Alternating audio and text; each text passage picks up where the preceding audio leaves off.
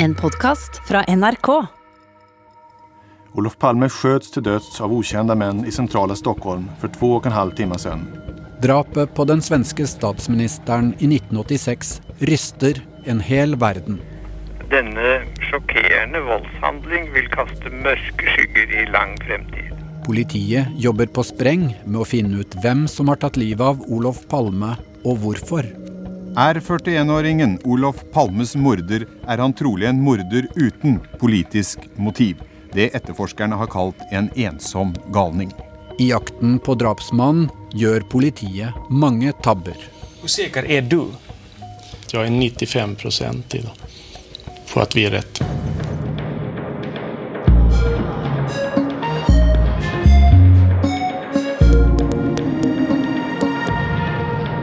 Du hører på Hvem drepte Sveriges statsminister? av Lovisa Lam Nordenskjöld. Den andre av tre deler.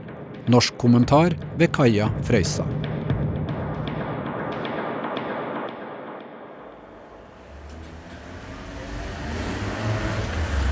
Sveavegen lørdag den 1. mars 1986. Jeg forstår ingenting, altså. Politi, journalister og mennesker i sjokk og sorg er på stedet der Olof Palme bare noen timer tidligere har blitt skutt og drept. Er han død, eller? Ja, det skjedde precis her. Det, det kan ikke ha hendt. Det har ikke hendt, va? Det er tårer i ditt øye. Er det sant? Er det verkligen sant? Det var jo en katastrofe. NRKs korrespondent Åge Petter Christiansen snakker med folk som har samlet seg ved politisperringene. De var rystet, men samtidig var det da den der Den der utrolige stillheten som ble avbrutt av folk som gråt høyt. Det er svårt, det er så urettvist. Olof. Nei, det, det er ofattbart. Det går ikke å si noe. Det er han som har gjort det. Han skal straffas. Och han ska straffas så jävla hårt det går att göra. Dödsstraff tycker jag han ska få. Liksom det, det går man inte att skjuta en statschef så här, det går man inte å göra det.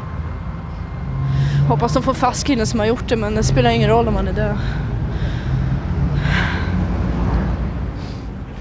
Politiet har selvsagt satt inn alle disponible styrker i ettersøkningen etter drapsmannen. Området rundt eh, familien Palmes hus i Gamla stan var bevoktet da statsminister Olof Palmes frue Lisbeth Palme kom tilbake fra sykehuset ved tretiden. Lisbeth Palme ble altså lettere såret av en kule i ryggen da statsminister Olof Palme ble drept på åpen gate i Stockholm sentrum rett før midnatt.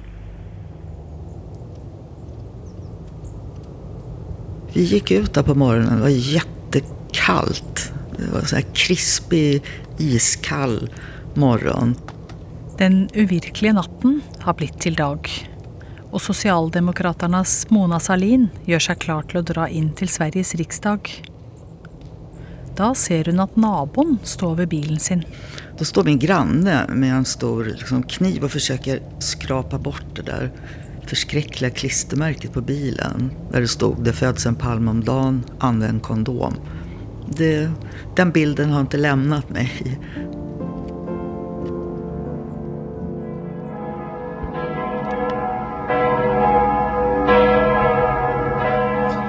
Kyrkklockorna ringde i 15 minuter efter klockan åtta i morse. Mordet på Sveriges statsminister skakar världen och stora delar av Sverige står stilla idag. Kondolanser fra statsledere over hele verden strømmer inn. Norges statsminister Kåre Willoch kommenterer mordet slik. Det er med tung sorg jeg har mottatt budskapet om drapet på Olof Palme.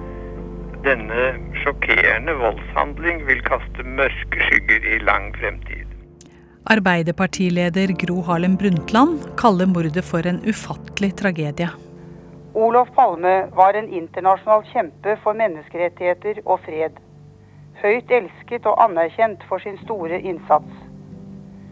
Vi kjenner ikke gjerningsmannen eller hans motiv, men må se i øynene at vi må regne med at dette dreier seg om et politisk mord.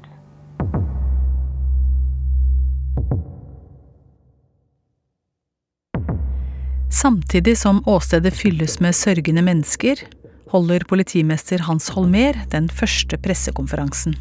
Det er et utrolig presseoppbud her. TV-bolag og korrespondenter fra hele verden. Hundretalls personer som bare vil ha svar på spørsmålet om har polisen haft noen framgång i jakten på Olof Palmes mördare. Vi skal høre hva Hans Holmer sier. Om eh, jag börjar med själva attentatet vi vet at gärningsmannen har haft en revolver utav kaliber 38. Eh, vapnet har vi ikke funnet, men vi har hittat en kula. Hans Holmer er ingen etterforsker, men tvert imot en byråkrat og en høyt plassert sjef. I denne spesielle situasjonen setter han seg selv til å lede jakten på morderen. Han var jo effektiv, for han ville ikke ha noen lang pressekonferanse, fordi de var jo i gang med å sperre av Sverige, rett og slett. Og ta imot de tips som kunne komme, og han virka veldig handlekraftig. Riksalarmen har gått, og Sveriges grenser blir stengt. Sikkerheten rundt regjeringen skjerpes. Samtidig kommer det spørsmål om Olof Palmes livvakter. Hvor var de drapskvelden? Det er åtte politimenn som har denne jobben, og de arbeider i skift. På jobb har statsminister Olof Palme vært fulgt av sikkerhetsvaktene, men han ba om å slippe dem når han hadde fri og ruslet på byen. Statsministeren gikk altså sammen med sin hustru ensam i natten gjennom sentrala Stockholm. Hvordan kommenterer du at han ikke hadde noen sikkerhetsvakter med seg? Statsministern är ibland mån om att få ha lite privatliv och då har han uttryckt en önskan att slippa säkerhetsvakterna och han hade sagt till att han inte behövde dem mer under kvällen. Det är det enda jag kan säga. Også i Norge blir sikkerheten rundt statsministeren skjerpet.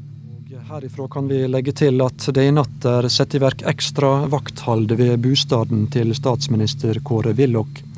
Politiet ønsker ikke å opplyse hvor stor vaktstyrken er, eller hvor lenge det forsterka vaktholdet skal vare. Har attentatet et politisk motiv? Eller er det en ensom gal mann som har skutt Olof Palme?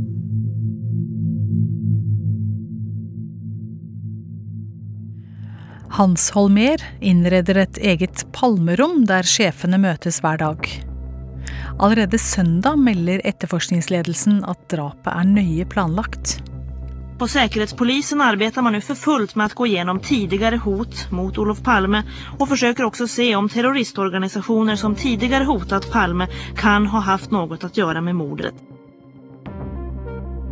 Pga. sitt sterke internasjonale engasjement har Olof Palme også mange fiender utenfor Sveriges grenser.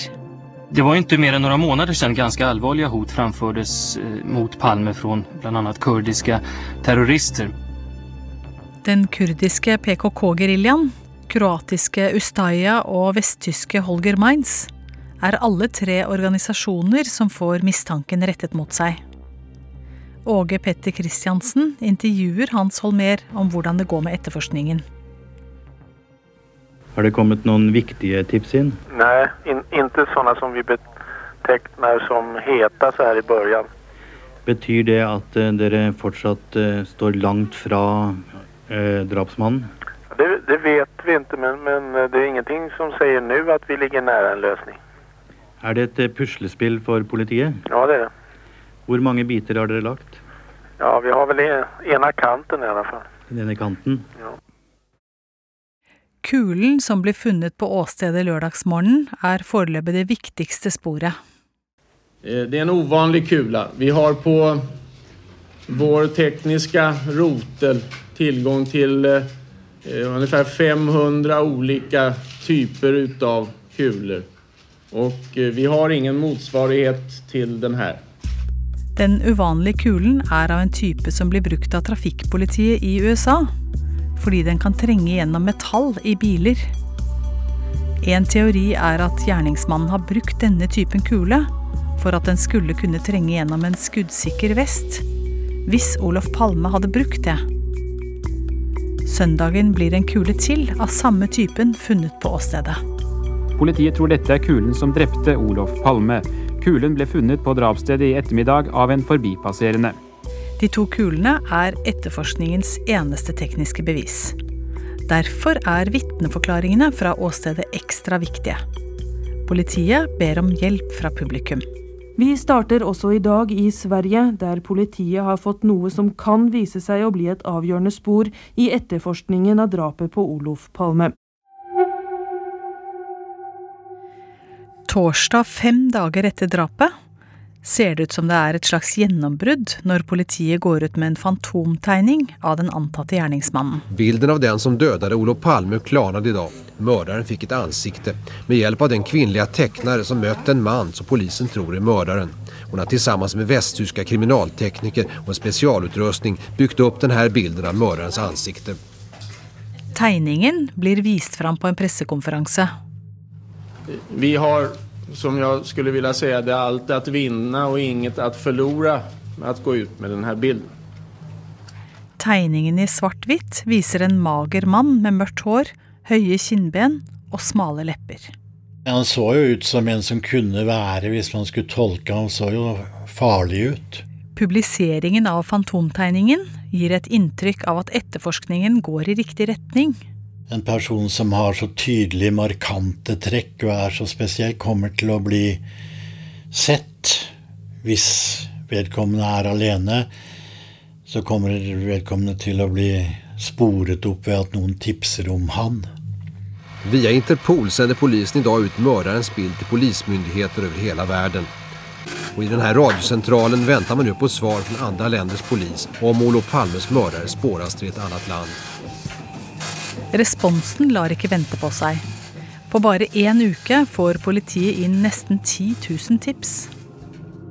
Men det kommer også kritikk mot bruken av fantomtegningen av den antatte drapsmannen. Det skal senere vise seg at den leder etterforskningen inn på et helt feil spor. På åstedet vokser det fram et berg med hundretusentalls røde roser.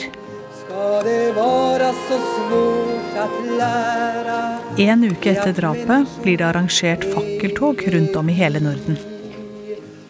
I Oslo deltar nå omkring 10 000 mennesker på et minnearrangement for Olof Palme.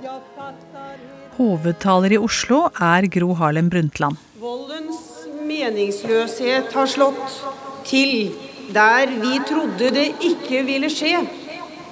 Vi føler anslaget mot vår kultur, vårt demokrati, vår livsform.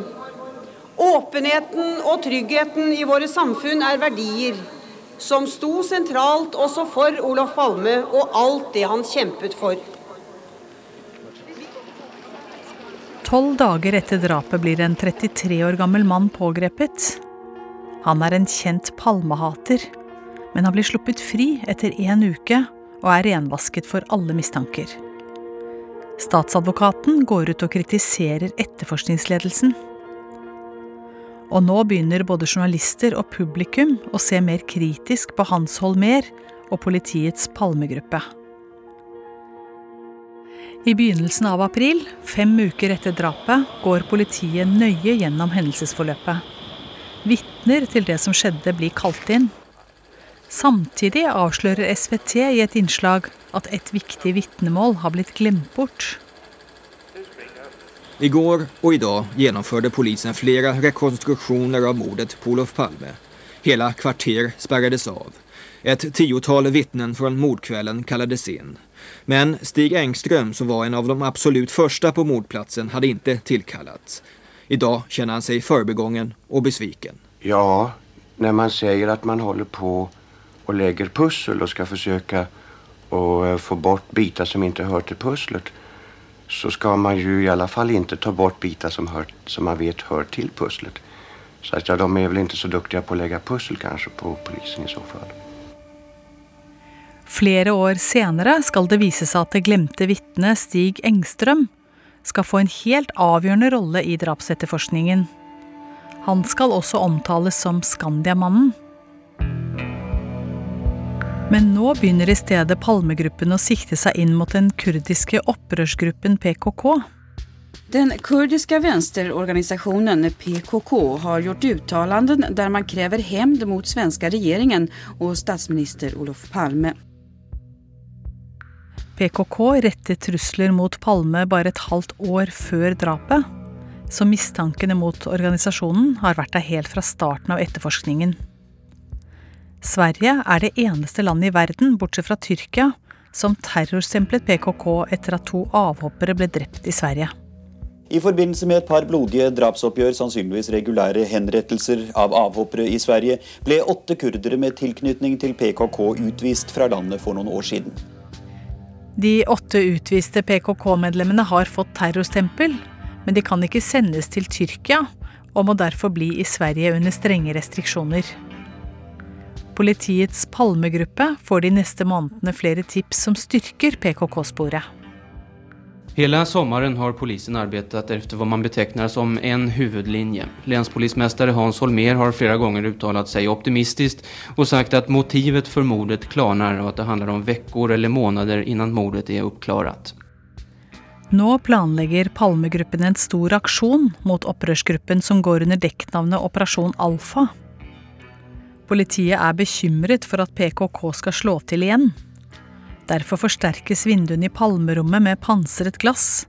Og etterforskningsleder Hans Holmer får økt beskyttelse med livvakter. I et intervju på slutten av året får han spørsmål om han er overbevist om at de virkelig er på rett spor. Eh, ni har holdt på med denne utredningen nå i 284 døgn, og sen fem måneder så er ni innriktet på et hovedspor. Hvor sikre er ni på det hovedsporet?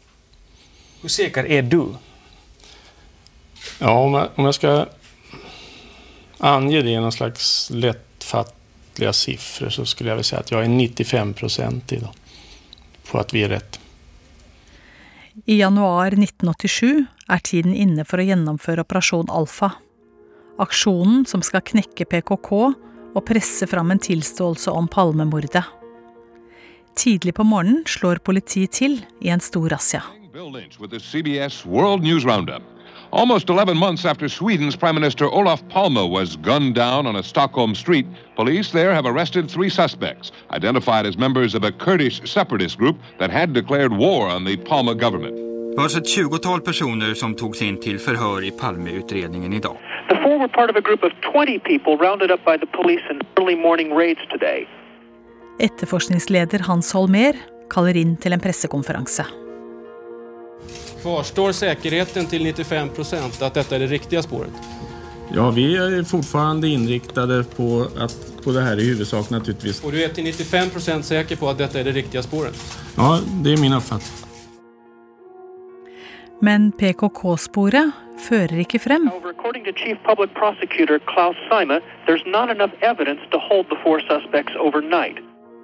Aksjonen gir ingen resultater, og alle mistenkte blir sluppet fri.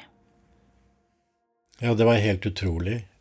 De hadde tatt inn så mange, men det var jo over det sporet i løpet av to-tre to, dager.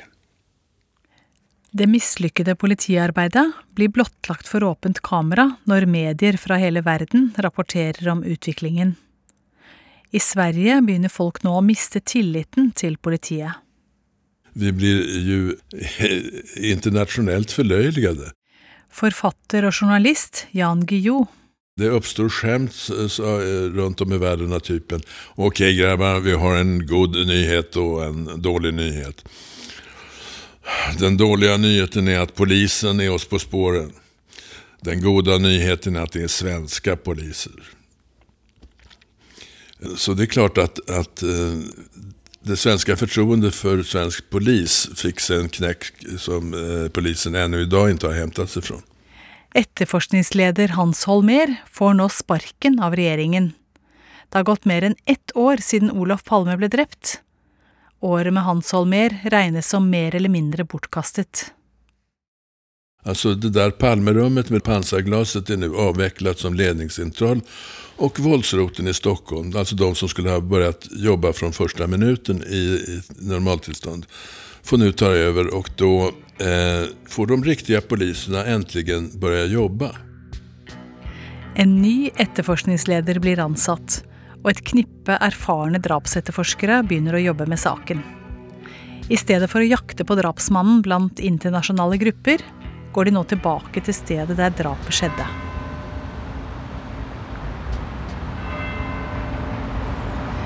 Noen kvartaler fra drapsstedet ligger den illegale spilleklubben Oksen.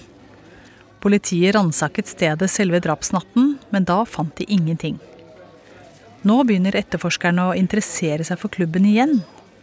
De har fått tips om at det er en mann som ligner på fantomtegningen, som vanker på oksen. Han heter Christer Petterson. Beskrivningen av Christer Pettersson är väl egentligen att har man sett honom så glömmer man honom inte. Liksom, det finns en blick der som er någon slags alldeles extra. Dette er Bo Gjøran Bodin, som er en av Sveriges fremste gravejournalister. Han har jo missbrukat hårt i ungefär 20 års tid. Når Palme blir drept, er Christer Petterson 39 år gammel. Han lever et destruktivt liv med alkohol og narkotika. Eh, perioder suttit i fängelse, eh, perioder varit ute. Har väl egentligen liksom aldrig haft ett riktigt jobb. Christer Petterson vanker stort sett bare med andre misbrukere. Han er ofte på spilleklubben Oksen. Det er en annen kjent rusmisbruker som eier klubben, som også er Christer Pettersons langer. Denne mannen har en leilighet ved siden av Grand kino, der Palmeparet var den fatale kvelden. Og det er hit Christer Petterson kommer når han skal handle narkotika. Han så ganske bra ut, han så ganske velvårdet ut Og det fins bilder på honom derfra i slutet på, på 80-talet sådär man ser ikke egentlig kanskje at han har droget så mye. så Men sen hadde han jo en spesiell stil å røre seg, da, liksom en ryckig gang som gjorde at han stakk ut. Det som gjør Christer Petterson ekstra interessant for Palme-etterforskerne, er at han flere år tidligere drepte en person med en bajonett like ved der Palme ble drept. Beskrivningen er også at, at Christer Pettersson var ganske bekvem med den der bilden, at, at folk oppfattet at han var helt tokig. Så han begynte å gå omkring med bajonett, ofta eh, skrämmer liksom smålangare sådär och tar deras eh, amfetamin och liksom står och fingrar på sin bajonett. Politiet har en teori om at Christer Petterson var ute og lette etter langeren sin drapskvelden. De mener at han sto utenfor Grand kino og ventet. Når han ser palmeparet, skal han ha fulgt etter dem, og så avfyrt de to skuddene. Men de har ingen bevis for denne teorien. Politiet begynner å spane på Christer Petterson på slutten av 1988.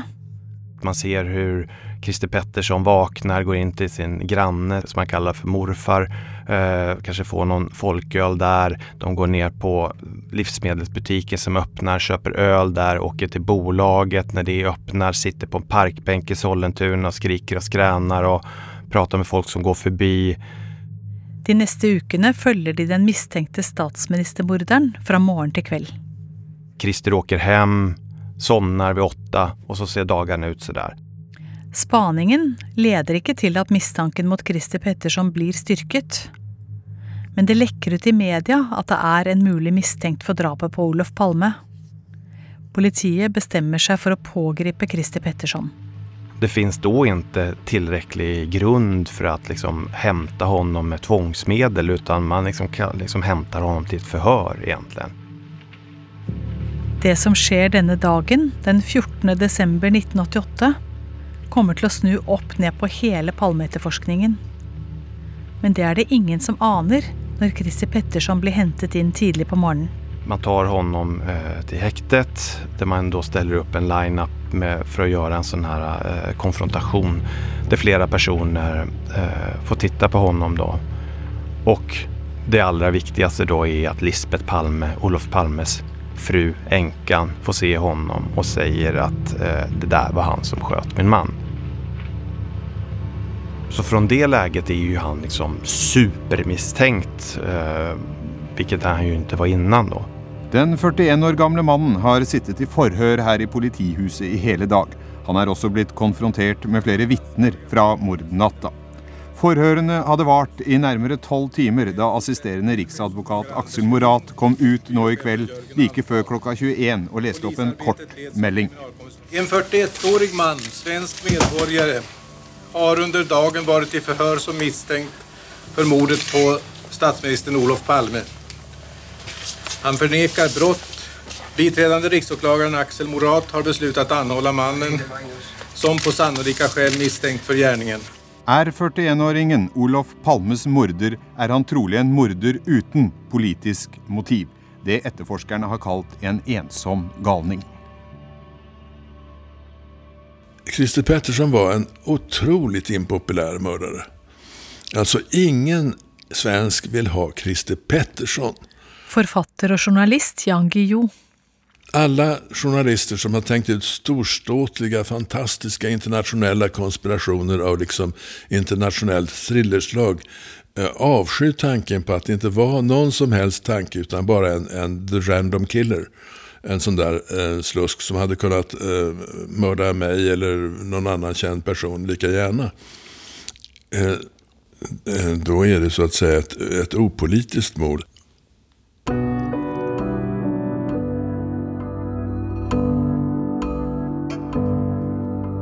Det blir gjort enda en konfrontasjon med Christer Petterson for Lisbeth Palme. Hun er fortsatt helt sikker på at det er han som har skutt hennes mann. Christer Petterson nekter for alt. Han sier at han aldri har brukt et skytevåpen. Tvert om, han er jo kjent for sin bajonett. Det finnes ikke tekniske bevis. Og etterforskerne har heller ikke klart å finne noe tydelig motiv. Man vet egentlig ikke hvorfor, men man har et stenhårt utpekende fra det aller beste vittnet, Lisbeth Palme. Så at liksom hva motivet at denne galningen skal ha gjort det, det, liksom, det behövs egentligen inte i det läget. 13 avdelning rotel 1 kaller til hovedforhandling i målet åklagaren mot Carl Gustav Christer Pettersson. Den 5. juni 1989 starter det som blir kalt for århundrets rettssak i Sverige. For første gang i Sveriges historie blir en rettssak overført på radioen. Jeg er litt usikker på hvor vi skal begynne, men, men en begynnelse kan vel være at du taler om hvem du er. Presenterer deg selv for domstolene. Statsadvokaten Anne Helin starter med å gi ordet til Christer Petterson. Ja, jag är alltså um, en dråpare, men jag är ingen mördare. Och jag har varken mer eller mindre att säga i den saken. Mm. Ja. Det var jo kort og konsist. Ja. Før rettssaken har det vært mye negativ omtale i media om den tidligere rusmisbrukeren Christer Petterson. Og så hører de noe helt annat i tingsrätten. Det här är ju en person som har språket som tjabbar med åklagaren, som liksom är charmig och rolig och trulig ibland och så här. Så att redan där så blir det ju någonting så här, vem är den där personen? I løpet av rettssaken blir det lagt stor vekt på å forsøke å rekonstruere drapskvelden, og hvor Christer Petterson befant seg. Men det finns ju saker kring Christer Pettersson som är oklara. Han säger då att han på mordkvällen eh, är på den här spelklubben Oxen. Han tar pendeltåget hem. Han somnar på pendeltåget, eh, vaknar i Märsta. Och det är liksom väldigt sådär, stämmer det där, stämmer det inte? Du åker hemifrån, när vad var det, sex, halv sju tiden? Ja, vi säger, nu har jag inte tiderna i huvudet här, men, men eh, 52 kanske. Ja, 10 i 7 alltså. Det är tåget som går före 7. Där kommer till Oxen vid halv åtta-tiden. Ja. Statsadvokaten presser Christer Petterson om de ulike klokkeslettene som han har oppgitt i avhørene. Hvordan kan han være så sikker på tidspunktene når han selv ikke har klokke? Har du någon slags inbyggd klocka i ryggen? Ja, det har jag också. Det Vad är kan- klockan nu då? Vad klockan kan vara nu, vad ska jag säga? Ja, låt oss säga att den är 10 och 55 då. Klockan är 10 och 26 i min. Jaha, ja, ja. Nåja. Men man vet väl ungefär när man åker. Ja. Faktum är att jag utgick ifrån att rättegången, den här rättegångsdagen hade börjat exakt klockan 10. Jaha. Ja, just det. Ja, det är faktiskt så. Ja. Det virka som han likte seg i den situasjonen, at han fikk eh, en oppmerksomhet som han aldri hadde fått før i sitt liv. Åge Petter Christiansen er på plass og følger rettssaken. Og han eh, fortalte så godt om livet sitt og hva han hadde gjort og hvor han hadde vært og alt mulig. Men jeg tenkte jo også at han var en, eh, en fantasiens mester som kunne beskrive, da, for å få oppmerksomheten bort at han ikke var skyldig og ikke hadde gjort det. Men han var jo fascinerende å høre på. Lisbeth Palme stiller noen krav før sitt vitnemål. Hun ønsker ikke at det gjøres opptak, så hennes og aktors stemmer er lest inn av skuespillere i Sveriges Radios sendinger. Går ni fort? Ganske fort. Og avsikten var å promenere hele veien hjem? Ja. Hun forteller om da de gikk fra Grand kino. Du har ikke lagt märke til om noen følger efter? Nej, jag har inte... Nej, jag la inte märke till det. Nej. Kan du berätta själv vad som hände då? Då hör jag något i jämbredd med färgaffären. Jag vänder mig om. Jag hör något som låter som barnens smällare. Jag ryckte till. I och med att jag vänder mig om noterar jag att det har hänt. Jag snubblar och samtidigt blir jag själv beskjuten. Ja, det hela skedde under en mycket kort tidrymd. Sen ser jag att Olof sjönk ihop och jag bestämde mig för att försöka söka hjälp. Allt detta sker mycket fort. Efter det att Olof sjönk ner ser jag någon mot hörnet som stirrar på mig. Det är ingen annan närmare. Han står och stirrar på mig, Olof. Kan du säga något närmare? Han är ungefär 180 centimeter lång med uppdragna axlar och mörk jacka. Ansiktet hade en påfallande ljushet under näsan. Han hade framskjutet käkparti, eller haka snarare. Hans blick, sa du? Eh... Stirrade.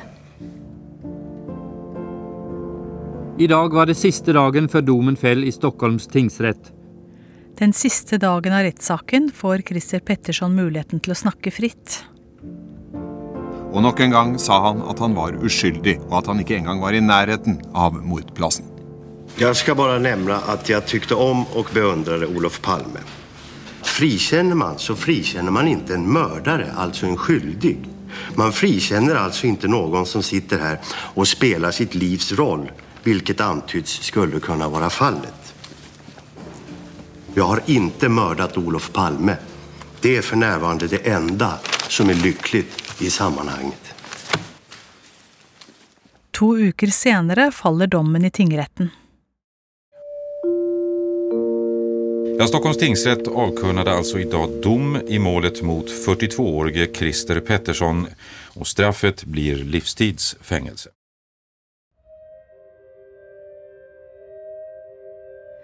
Christer Petterson blir dømt for mordet på Olof Palme.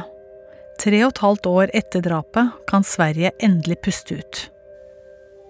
Rettssaken med han var veldig viktig for Sverige. For nå fikk de bearbeidet hele traumet, da. Dette er en lettelse for Sverige, det er en lettelse for Palmefamilien, det er en lettelse for alle som har vært involvert i alle de årene. Nå kommer Sverige til å kunne hvile.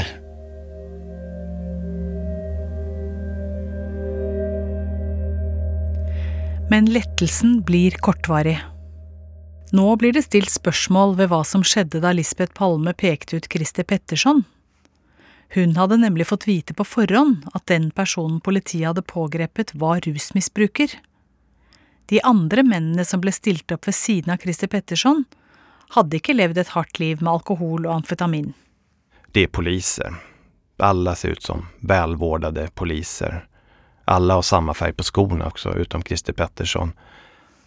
Dette skal bli et av Palme-etterforskningens største feiltrinn. Og uh, hun sier da Lisbeth Palme direkte at det er klart man ser hvem som er alkoholist, og sen peker hun ut honom. Så det her har jo gjort da at denne förhandskunskapen och att han stack ut så mycket jämfört med alla de andra i konfrontationen har ju också gjort då att man ifrågasatt, kan man lita på hennes vittnesmål? Vad är det egentligen värt att hon hade fått alldeles för mycket information? Avgjørelsen fra tingretten blir anket, og fire måneder senere faller dommen i lagmannsretten. Ja, klockan 11 i förmiddags kom altså hovrettens dom i Palmemålet. I domen finns forklaringen til varför Christer Pettersson frias fra anklagelsene at de mördat statsminister Olof Palme. Det finns flera omständigheter som gör att Lisbeth Palmes säkra utpekande inte kan anses vara helt tillförlitligt, konstaterar Svea hovrätt. Når det viser seg at Lisbeth Palmes utpeking av Christer Pettersson ikke er pålitelig, vil det heller ikke være hold i tiltalen. Och ikväll firade han den nyvunna friheten hos sin granne i Rotebro utanför Stockholm. Samme kvelden som Christer Pettersson slipper ut av fengselet, dukker journalistene opp utenfor hjemmet hans i forstaden Rotebro. Christer Pettersson kommer ut med en sigarett i munnviken, to flasker Baileys og en flaske vodka i hendene. Han er på vei over til sin nabo, som han kaller for morfar, for å feire løslatelsen. da, vent da for helvete, det er jag. Kriget av! Hej då. Inne hos morfar åpner han vinduet for å snakke til alle journalistene som står utenfor. Olof Palme er mördad og det er en stor forlust for landet. Og det er jævlig synd om Lisbeth Palme. Det, det vore veldig herlig, det vore veldig skjønt om Lisbeth Palme og jeg noen gang, någonstans i en framtid kunne treffe hverandre sammen. Det vore ganske så... eh, Det vore, det vore underbart. Jeg var helt uh, rysta over den dagen da han ble frigitt. Dette var jo det absolutt verste som kunne skje, at han først ble dømt, og så ble han frigitt. De samme politifolkene som har jobbet for å felle Christer Pettersson, skal nå begynne på nytt og lete etter en ny drapsmann. Et av sporene er at høyreekstreme politifolk, enten alene eller i gruppe, jobbet for å få drept statsministeren. Men det kommer ikke noe konkret ut av det. Det ser nå stadig mer usannsynlig ut at politiet skal lykkes med å løse Palmemordet. Alt som kan gå galt i denne saken, går galt.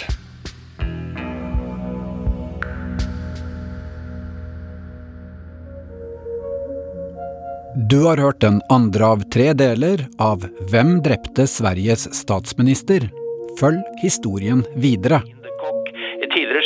For det sørafrikanske sikkerhetspolitiets såkalte dødspatruljer. Ti år etter drapet peker sporene overraskende mot Sør-Afrika. var innblandet i Palmedrapet.